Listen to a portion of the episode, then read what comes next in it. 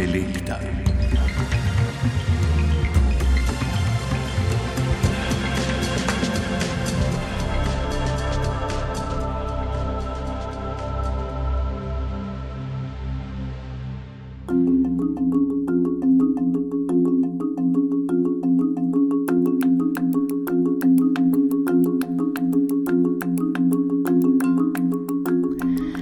Smo nedavno spremljali ameriški umik ter hitro zmago talibanov v Afganistanu, ki je pokazala, da največji svetovni vojaški sili v kar 20 letih okupacije ni uspelo premagati neprimerljivo manjše in slabše oborožene odporniške skupine, se je nekaterim to zdelo skoraj neverjetno, drugi pa so to videli kot še eno ponovitev vzorca, ki ga gledamo že desetletja. In res, to nikakor ni prva tovrstna zgodba v zgodovini. Vele sile so odnegdaj okupirale tuja ozemlja, v teh pa so se odnegdaj z večjo ali manjšo intenziteto rojevali oboroženi odpori.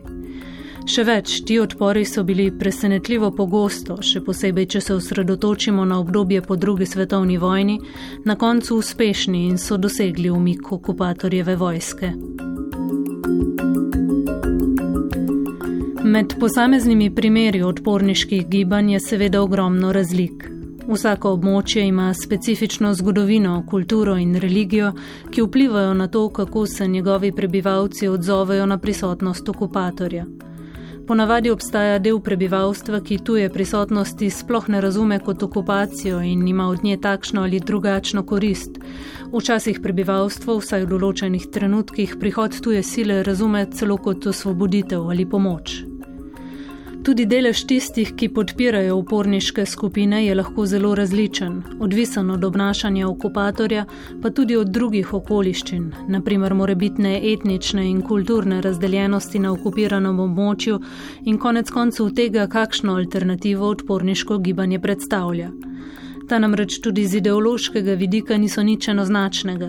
Če iz lastne zgodovine ob besedni zvezi odporniško gibanje pomislimo predvsem na partizanski boj med drugo svetovno vojno, so denimo trenutno na Bližnjem in Srednjem vzhodu to večinoma različne islamistične skupine.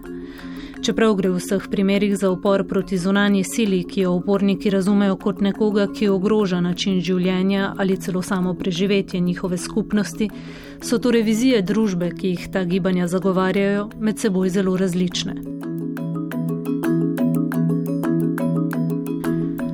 No, kljub vsem razlikam pa imajo odporniške skupine seveda tudi nekatere skupne značilnosti in prav o teh bomo govorili v tokratni intelekti. Spraševali se bomo namreč, kdaj in zakaj to vrstna gibanja, ki so sicer praviloma tehnično in finančno veliko šipkejša od okupatorjev, sploh nastanejo, na kakšen način se bojujejo proti toliko močnejši sili in kaj pripelje do tega, da presenetljivo pogosto na koncu okupatorja, pa če tudi po več desetletjih boja, dejansko pripravijo do umika. Pri odgovorih nam bodo pomagali obramboslovec dr. Vladimir Prebilič z Ljubljanske fakultete za družbene vede, strokovnjak za bližnji vzhod, docent na fakulteti za menedžment Univerze na primorskem dr. Primoš Trbenc, ter vojaški psiholog in predavatelj v vojaškem šolstvu Gregor Jazbec, ki v oddaji gostuje v svojem imenu in ne v imenu slovenske vojske.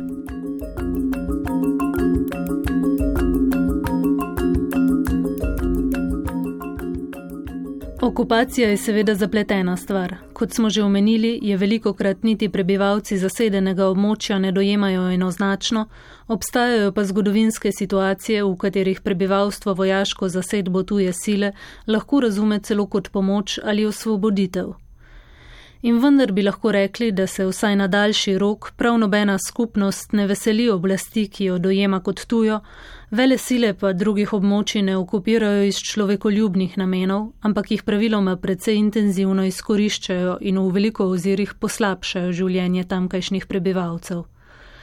Kot razlaga obramboslovec dr. Vladimir Prebilič, je v tem smislu v vsaki vojaški okupaciji že seme upora in je na dolgi rok težko uspešna. No, v osnovi vsakašna okupacija nikoli ni na dolgi rok uspešna.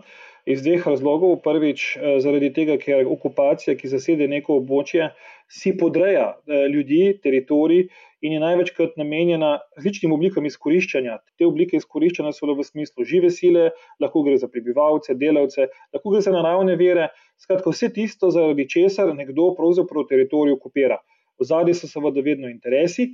Tako da, kadar pridemo v tako situacijo, torej, ko nekdo okupira ozemlje s točno določenimi nameni, pa ne bodo ti še tako skriti, pride seveda do tega, da tisti, ki tam živijo, so v neenakovrednem ali, če želite, podrejenem položaju. In seveda, ko pride do take situacije, se potem oblikuje nek odpor. Zdaj, do kakšne mere ta odpor gre, je seveda odvisno od režima, ki v tem pokrajini ali pa v tem ozemlju, na tem območju funkcionira. Če so seveda te represalije tistih, ki okupirajo, zelo hude proti ljudem, ki živijo v takem območju, seveda se potem po zakonu Newtona akcija in reakcija začnejo potem te stvari seveda eskalirati. Če je ena od oblik izkoriščanja, ki jih omenja Vladimir Prebilič, ekonomsko oziroma materialno izkoriščanje zasedenega območja, pa ni čudno, da sta eni redkih okupacij v novejši zgodovini, ki sta minili brez odpora, v tem smislu nekoliko drugačni. Za zavezniško okupacijo Nemčije in ameriško okupacijo Japonske po drugi svetovni vojni je namreč značilno, da okupatorji teh dveh že tako razrušenih držav niso ekonomsko izčrpavali, ampak so njihova gospodarstva začeli intenzivno obnavljati. Da bi utegnil biti poleg vojne izmučenosti teh dveh poraženih narodov verjetno prav to eden od pomembnih razlogov, da med Japonci in Nemci, sicer ponosnima narodoma, ki sta predtem kar nekaj let poslušala o svoji večvrednosti, okupatorji niso naleteli na odpor, razmišlja dr. Primoš Štrbenc. Ne pozabimo, da je bil Maršalov plan leta 1947 aktiviran, da je Zahodna Evropa dobila v današnjih številkah okoli 100 milijard dolarjev za svoj razvoj. Kar so američani vložili, seveda, tudi z mislijo na lastno ekonomijo, ki je potem lahko več izvažala v Evropo. Podobno je Japonska, torej tudi Japonska, ne pozabimo, je bila sedem let pod ameriško okupacijo. Tudi Japonci se niso opirali, ker je bila Japonska pa še bolj razrušena. Torej, sta tudi dve atomski bombi padli na, na to državo, in poleg tega so američani tudi japonski nek ekonomski stimulus dajali, pri čemer pa seveda nikoli ne pozabimo, da se je Japonska že prej v obdobju Meiji med letoma 1868 in 1912 sama westernizirala. Torej, da če se Japonska ne bi že na prelomu iz 19. in 20. stoletja westernizirala, potem se ne bi mogla v tako veliki meri tudi med ameriško okupacijo, v bistvu ameriška kultura uveljavljati na japonskem da recimo Japonci radi gledajo bejzbol ali pa kaj, ali pa da so se začeli zahodno oblačati, da so ameriške pritekline seveda postale precej prisotne. Tako da to je res, da ekonomski razvoj pomaga pri bolj pozitivnem gledanju na okupatorje, čeprav ne pozabimo, imamo pa tudi nasprotne primere, Tibet, Xinjiang. Ljudska republika Kitajska v Tibet in v Xinjiang vlaga ogromne vsote, gradi neko zelo razpredeno infrastrukturo, železnice, ceste, ampak s tem seveda ne izboljšuje svoje lastne slike na teh dveh območjih Ljudske republike Kitajske. Kaj ti sam ekonomski razvoj nič ne pomaga, če hkrati ta okupacijska sila, torej okupacijska sila v, v očeh Tibetancev oziroma Ujgurov, muslimanskih v Xinjiangu, zatira kulturo avtohtonih skupnosti in hkrati izvaja tudi kolonizacijo teh ozemelj. Tako da ni na ključe, da so Ujguri že izvedli nekatere teroristične napade, naprimer na trgu nebeškega miru v Pekingu, če se ne motim, tam okrog 2016 ali pa v Kunmingu. Torej, ekonomski razvoj ne pomeni nujno pacificiranja oziroma pomiritve domačega prebivalstva. Da je poleg okupatorjevega ravnanja z gospodarstvom in materialnimi viri zasedenega območja in pa seveda morebitnega znašanja nad ali celo ubijanja civilistov ter drugačnega kratenja njihovih pravic, bistveno tudi to, kako se okupator obnaša do kulture oziroma vrednot in načina življenja na okupiranem ozemlju, se strinja tudi Vladimir Prebelič. Absolutno. Ne. Zdaj, kada prihaja eh, do teh eh, recimo, okupacij nasploh, ali pa če zdaj morda se bolj osredinimo okrog primera v Afganistanu, je seveda popolnoma jasno, da je kulturni in vsakršni verski in, še, in, in drugi spopadi, spopadi ideologij v končni fazi so tisti, ki največkrat vodijo oziroma predstavljajo platformo, kjer se ti spopadi med gverilo oziroma osvobodilnimi gibanji in, in oblastniki ali pa okupatorji, če želite, dogajajo. Bolj kot sta si različni ne, in bolj kot nekdo ustraja pri tem, da implementira uh, svojo kulturo, lahko tudi religijo, način življenja na vse zadnje, uh, ali pa celo do, izvaža demokracijo, kar je sama po sebi čisto čisti oksimoron. Ne. Se pravi, kadar pridemo do tega, seveda je to lahko samo še dodatek k temu, kar smo se eh, uvodoma pogovarjali, torej, eh, da se eh, v elementu materialnega, fizičnega izkoriščanja nekih območij pridoda še ta kulturna komponenta. No, ta kulturna komponenta ima seveda eno zelo jasno sporočilo in to je, da želi območje nekako bomo rekli, temu civilizirati. To se dogaja žal že vso človeško zgodovino, ker vse čas nekdo hoče civilizirati drugega, kar se meni v osnovi sicer opira, zlasti, kadar to delamo na silo. Torej, ko da pride do tega, seveda je sporočilo eno samo in to je, da se izbriše nacionalna ali pa narodna identiteta neke skupnosti in se nas želi, da se da na nek način asimilirati. Takih poskusov smo bili deležni tudi mi, kot slovenski narod, se boste dobro spomnili, da ni okupator nikoli prišel v ta prostor samo zaradi tega, da bi obvladoval ta prostor, za njega je bil ta prostor geostrateško izjemno pomemben, ker mu je omogočil dostop do logističnih poti, do morja, do Jadranskega morja, do Mediteranskega morja in tako naprej. Ampak so dejansko želeli zabrisati oziroma raznaroditi kompleten narod, se pravi, mu vzeti to identiteto in ga pretvoriti v nek podaljšek matičnega naroda. No in seveda, kadar do tega pride, je povsem naravno, to jaz mislim, da bi vsak izmed nas reagiral podobno. Kadar vam želijo vzeti eh, to temeljno entiteto, ki vas pravzaprav personificira, ki vam določuje vaš smisel, potem seveda tukaj bo upor, tukaj ni nobenega dvoma. In jaz bom celo rekel, tako upor je povsem negativen. Ne. Namreč eh, nasilno spreminjanje identitet drugih je seveda, vsaj po mojem mnenju, popolnoma zavržno, pa tudi po mednarodnem pravu ni dovoljeno. Skratka, kakorkoli, eh, kadar pride do, kot sem pa rekel, tisti materialni izkoriščanje, še ta kulturni kulturno-identitetni eh, element, potem je upor neizbežen in, kot sem rekel, se mi zdi celo eh, pričakovan ali celo legitimen. Če je bolj oddaljena kultura že v osnovi težje sprejemljiva za družbo zasedenega območja, pa se zdi, da se v procesu usiljevanja te kulture v resnici lastna identiteta okupirane družbe veliko krat še ojača.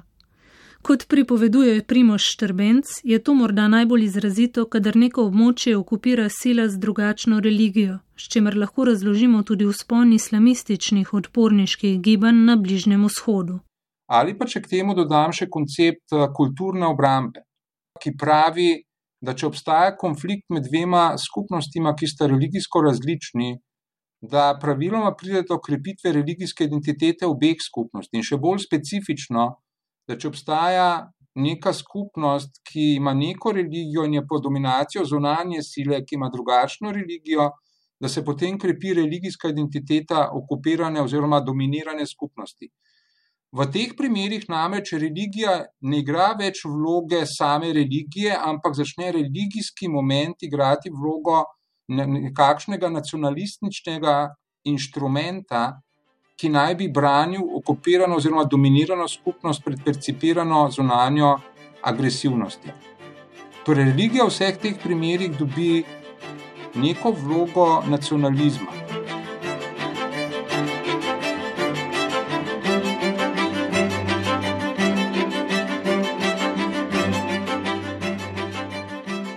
Najodporniško gibanje svoj odpor prvenstveno utemeljuje na branjanju lastnega naroda, religije ali pa morda na želji po vzpostavitvi pravičnejšega družbenega sistema. Vsak vojaški odpor mora ustvariti skupno ideološko platformo, s pomočjo katere lahko mobilizira že tako nezadovoljno domače prebivalstvo. Razlaga Vladimir Prebelič. Ko pridemo seveda v tako razmerje, ko ta okupacijska oblast nima legitimnosti, eh, ko ni prepoznana kot eh, sprejeta v nekem lokalnem okolju, potem samo vprašanje časa in pa seveda vprašanje tudi ideološke platforme, do kjer mere bo mogoče potem ta odpor organizirati. Seveda, eh, vsak vojaški odpor temelji na dveh stvarih.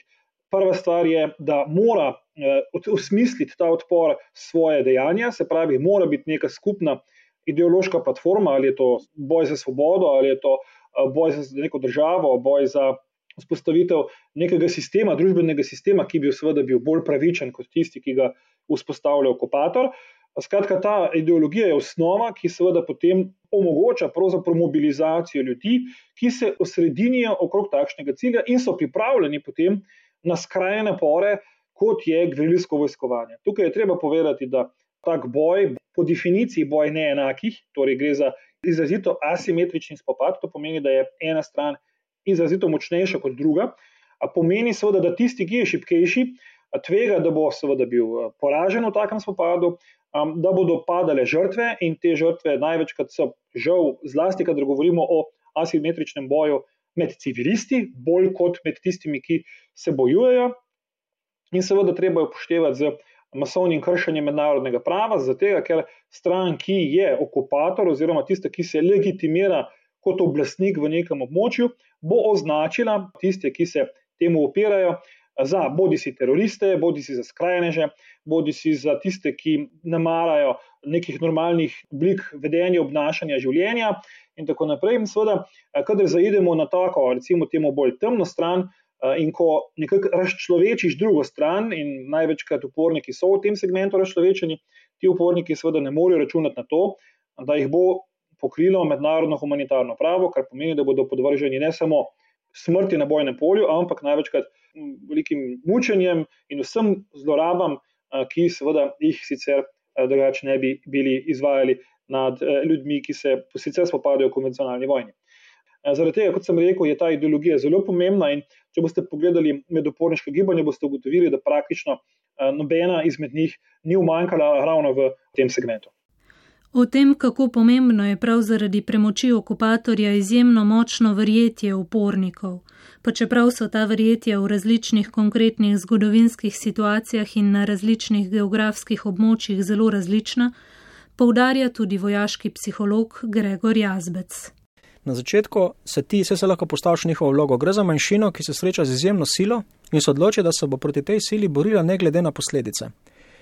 Dejavnik drugega spoh ni praktično. Uh, ključni dejavnik pri tem je, da si fanatik, da verjameš, da je ta boj vreden vseh žrtev in se boriš na življenje in smrt. In potem se srečaš z protiukrepi uh, nasprotnika, okupatorja in kljub temu ustrajaš. In padajo tvoji tovariši, in pada po civilistih, po tvojih družinah in ti ustrajaš naprej. To je takšna življenjska sila, da se mi zelo težko zamislimo, ali pa taka morala. In to moralo so dejansko prvoborci, partizani, zdaj govorimo o partizanih, seveda velja pa tudi za druge odpornike, imeli. Torej, karkoli mi boš naredil, lahko me uničiš, ampak bo pa eno stov živ, pa bom vlekel zadevo naprej.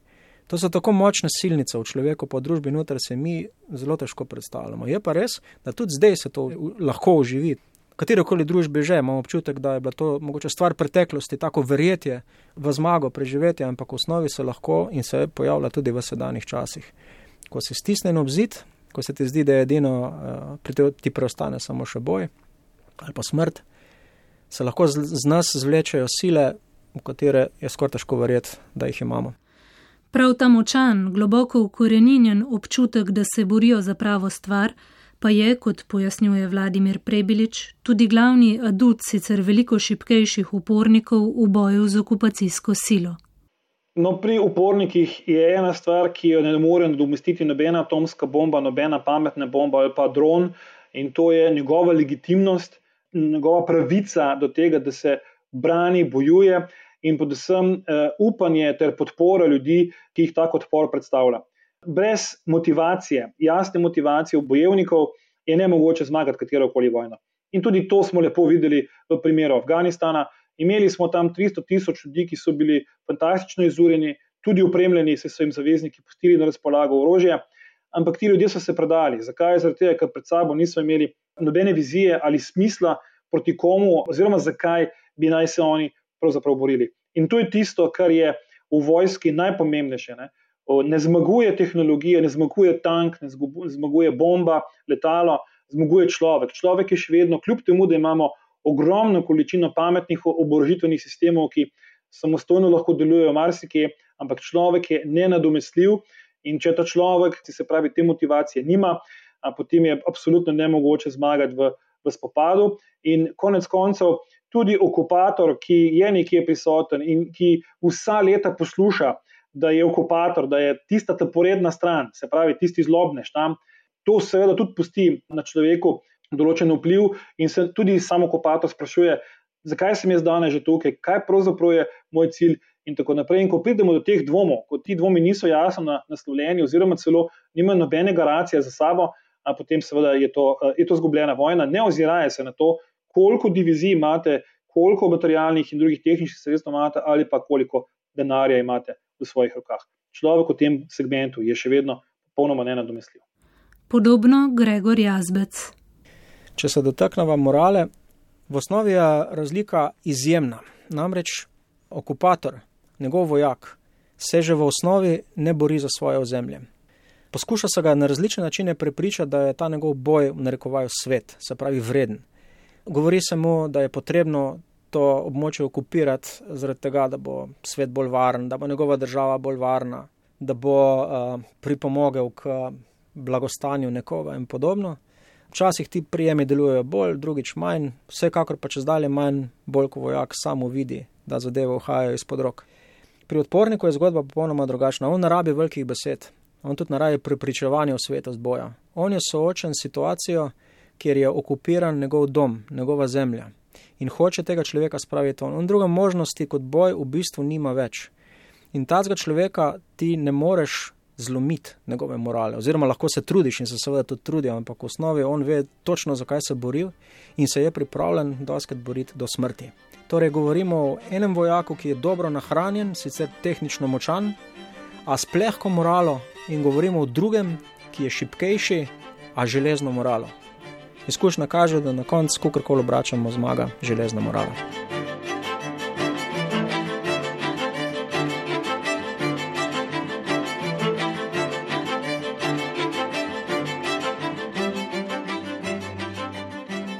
Če tudi v tem smislu glavna prednost odporniških gibanj njihova motivacija, pa seveda ta sama po sebi v boju proti toliko večji sili ni dovolj. Kot razlaga Vladimir Prebilič, morajo biti tako uporniki izjemno iznajdljivi tudi v načinu svojega vojskovanja. Kadarkoli se pogovarjamo o nekonvencionalnem spopadu ali o formiranju ter vodenju boja s strani odporniških gibanj, je tako, kot sem povedal, se pravi, nujno potrebno uporabiti nekonvencionalne metode vojskovanja. Torej, metode vojskovanja, ki jih druga stran ne pričakuje, jih druga stran ne zaznava oziroma na nje ni pripravljena. Sicer eh, možnosti za, za, spop, v, za zmago v takem neenakovrednem spopadu, šipkejša stran, seveda, nima nobenih. Eh, kaj to pomeni? To pomeni, da se seveda vodi tako imenovana gverilska vojna.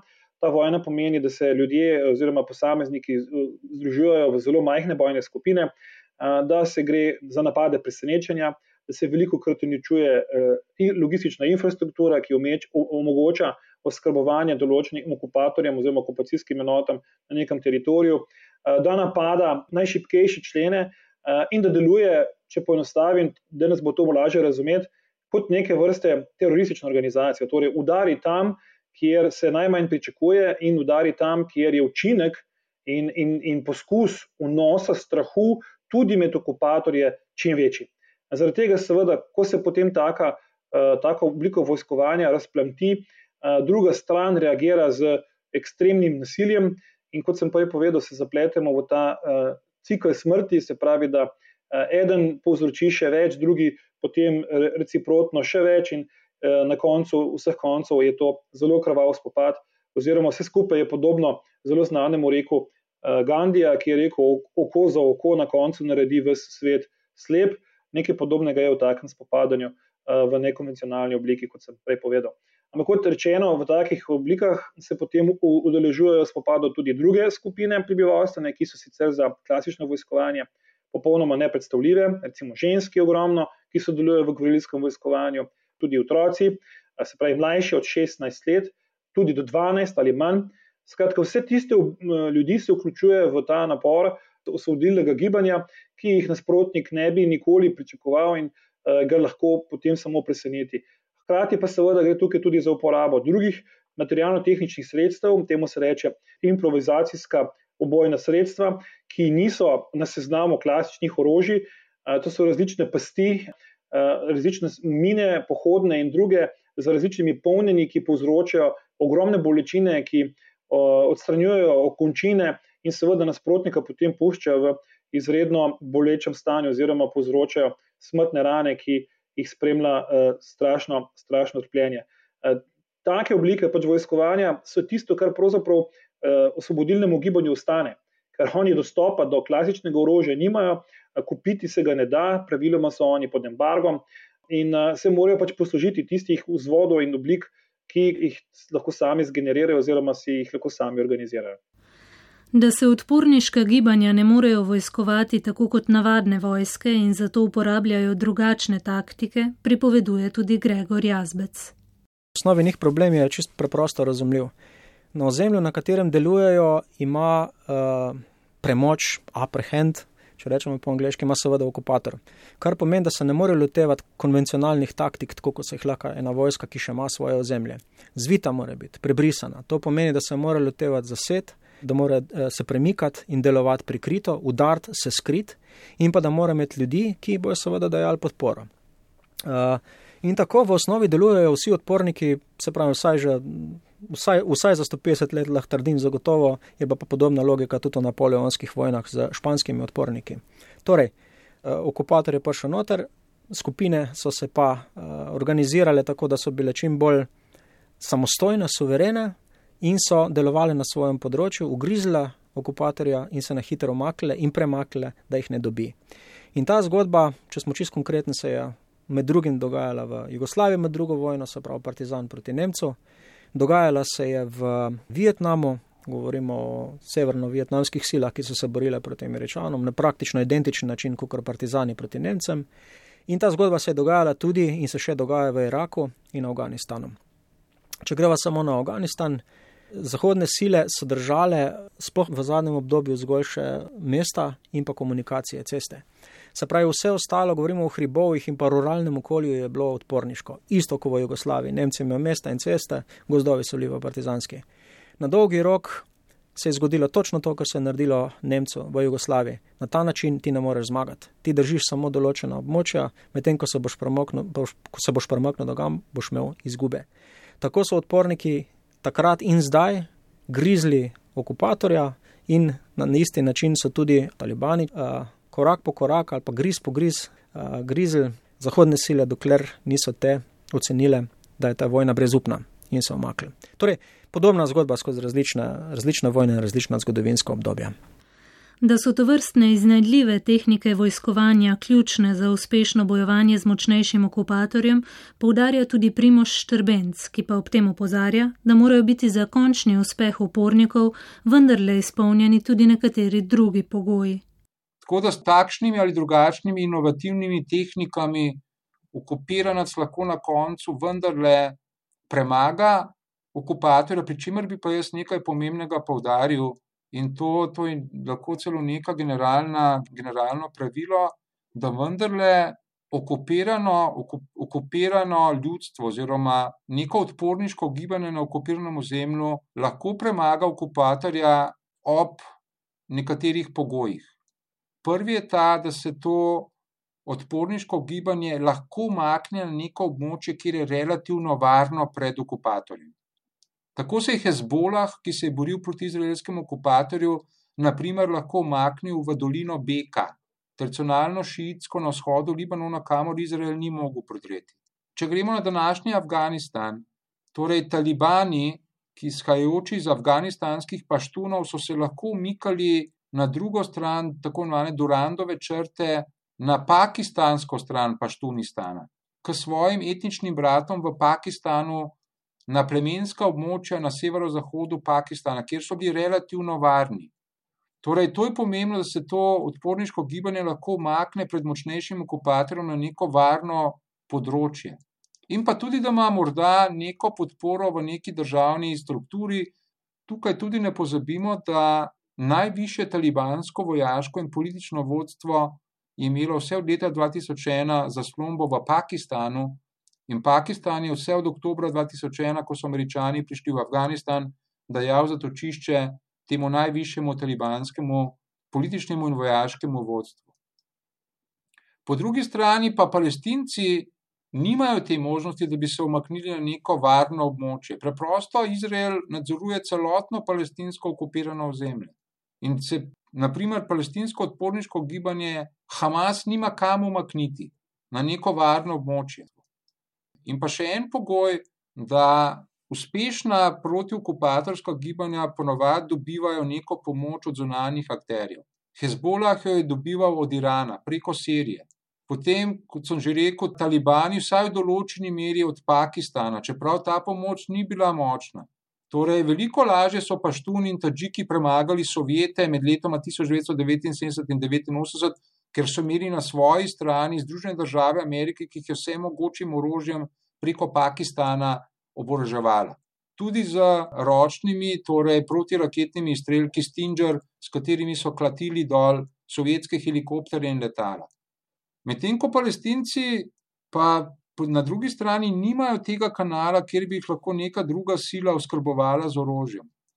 Torej, te razlike so bistvene razlike. Kot še dodaja Štrbenc, pa seveda odporniška gibanja ne morejo zmagati tudi brez podpore domačega prebivalstva. Torej, če je podpora med prebivalstvom, potem ta podpora neutralizira potencijalne ovaduhe.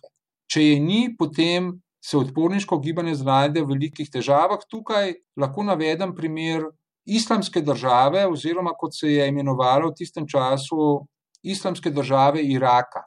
Namreč med letoma 2007 in 2011 je islamska država kot neka radikalna sunitska tvorba izgubila podporo med sunitskim prebivalstvom Iraka. Preprosto so bile njene akcije tako zelo krvave in brutalne, tudi proti civilistom, in hkrati ni dovolila obstoja nekih drugih odporniških sunitskih skupin ob sebi, da se je v nekem trenutku velik del sunitskih plemen iz zahoda Iraka, iz pokrajine Al-Ambar, dvignila proti islamski državi in je odrekla podporo. In, in s tem so ta plemena celo bila pripravljena sodelovati z američani kot okupatorji. Preprosto so, so neko kalkulacijo naredili, kjer so rekli, bolj da se zaradi te brutalnosti islamske države, oziroma teda islamske države Iraka, da se povežemo z američani in tako so nastali vdelki tako imenovane sahve prebojenja, sinovi Iraka.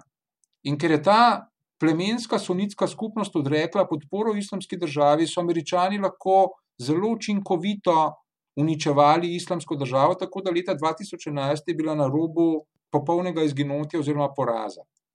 Tisto, kar je pa na nek način rešilo, je bilo to, da so se američani 2011 umaknili iz Iraka in da je šiitsko dominirana iraška vlada začela spet pritiskati na sunitsko prebivalstvo Iraka. In zaradi te šiitske, šiitskega pritiska na sunitsko prebivalstvo je sunitsko prebivalstvo zopet začelo pozitivno gledati na islamsko državo Iraka in Al-Shama po letu 2013 in pol na zadnje 2014 islamsko državo.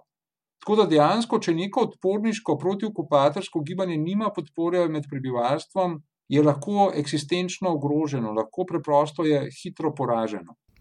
Podobno Vladimir Prebilič. In druga stvar je, da brez podpore civilnega okolja, to pa pomeni ljudi, ki potem omogočajo hrano, skrivanje, prenašanje orožja, Eh, in tako naprej. Skratka, en kup enih, recimo, temu subverzivnih logističnih podpor, če tega ni, potem seveda stran, ki je že v osnovi šipkejša, absolutno ne bo imela realne šanse, da bi lahko v takem spopadu neenakih tudi zmagala.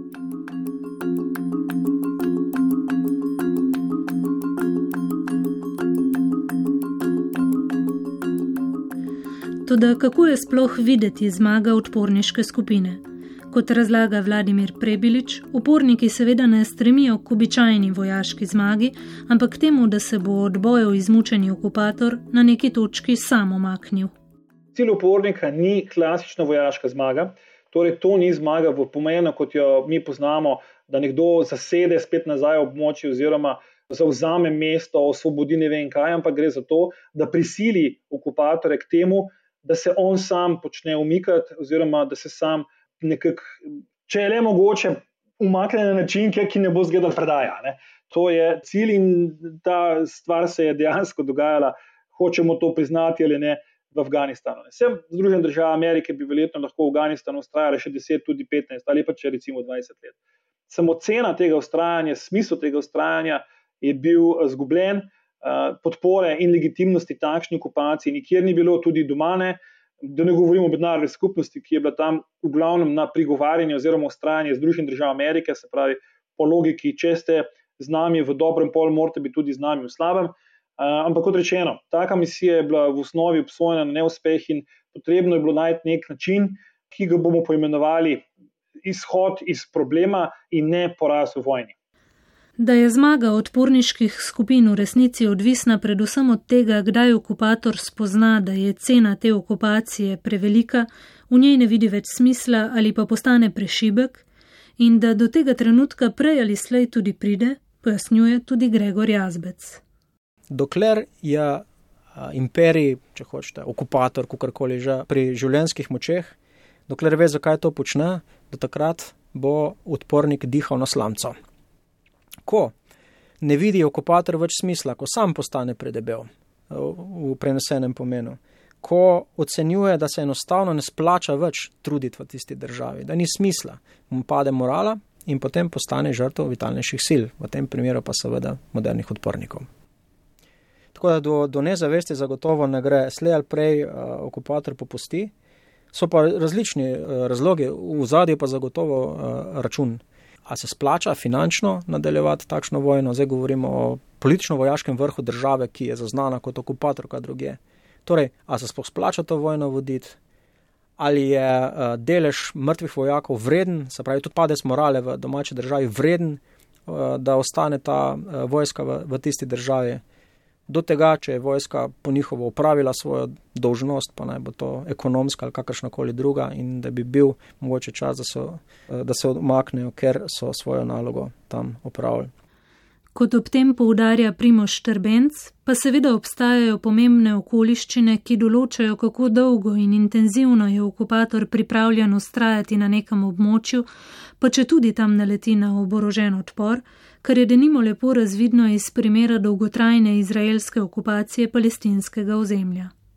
Prvič je to, da če okupatorjevo ozemlje obstaja blizu okupiranega ozemlja, ima okupator veliko več manjvrskih možnosti, da si to okupirano ozemlje podredi. Američani so se v Afganistanu borili zelo daleč od svojega ozemlja. Tudi francozi so se borili v Alžiriji čez Sredozemsko morje, medtem ko Zahodni breg pa leži tako rekoč tik ob ozemlju Izraela in v tem smislu ima Izrael lažje delo. Podobno Maroko lažje obvladuje Zahodno Saharo, ki jo okupira pravzaprav od leta 1976. Drugi moment je to, kakšna je motivacija okupatorja. Američani so sicer imeli neko motivacijo v Afganistanu, ampak na zadnje je postalo jasno, da večina ameriškega prebivalstva niti ne zanima preveč ta Afganistan, Medtem ko Izrael, ne pozabimo, da Izrael pa Zahodni breg obravnava kot Judejo in Samarijo, kot tisto ozemlje, ki naj bi ga Bog dal Judom. In pa seveda so tukaj tudi čisto, čisto prozaični razlogi, ne pozabimo, da pod Zahodnim bregom se skriva 85% gorskih izverov vode, ki vsebujejo največ vode. Pod samim Izraelom v črtah izpred leta 1967 je zgolj okoli 20% vode. Tako da Izrael tle si prilašča Zahodni breg in ima motivacijo zaradi vodnih verov. In pa tretjič, zakaj je ta izraelska okupacija bolj uspešna?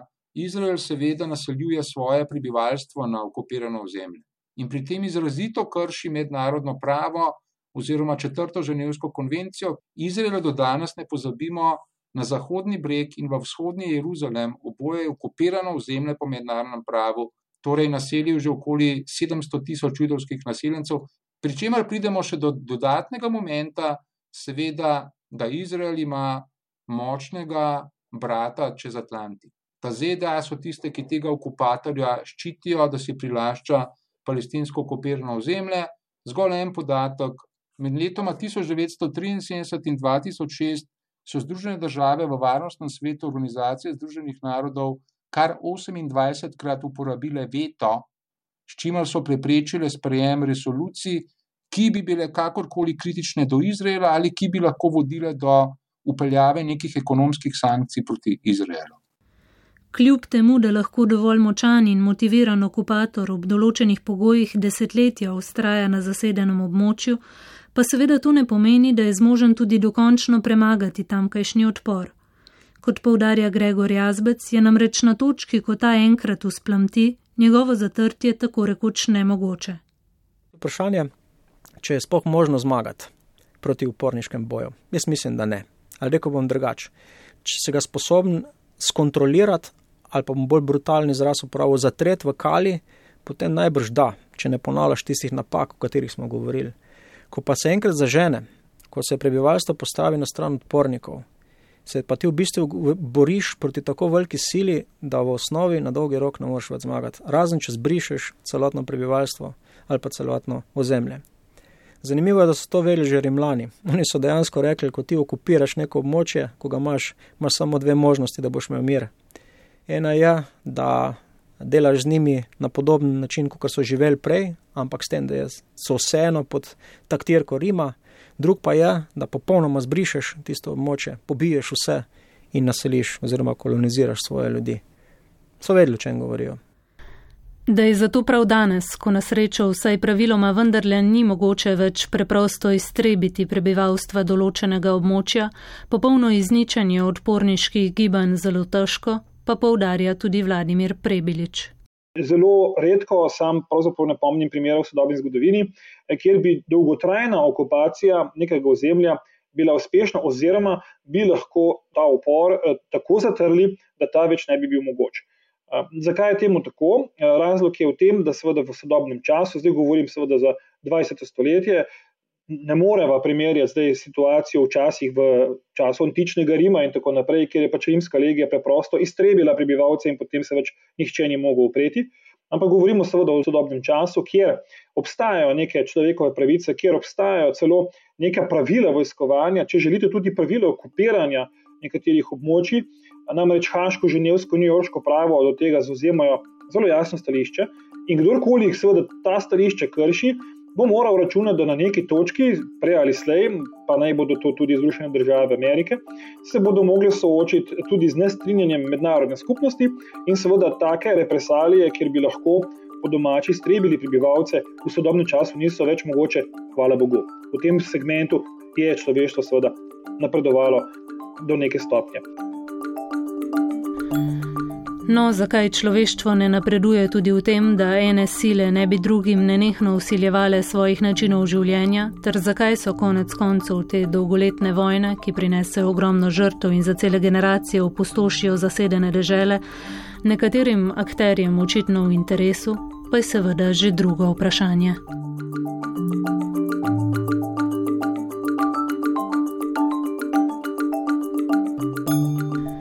Tem smo prišli do konca tokratne intelekte, v kateri smo govorili o odporniških gibanjih. Pred mikrofonom so bili obramboslovec dr. Vladimir Prebilič, poznavalec bližnjega vzhoda dr. Primoš Šterbenc in vojaški psiholog Gregor Jazbec, ki je v oddaji gostoval v svojem imenu in ne v imenu slovenske vojske. Oddajo, ki jo lahko najdete tudi na spletni strani prvega programa ali med podcasti, sem pripravila Alja Zore, glasbeno jo je upremil Rudi Pančur, za zvok sta skrbela Jon Črgan in Robert Markoč. thank you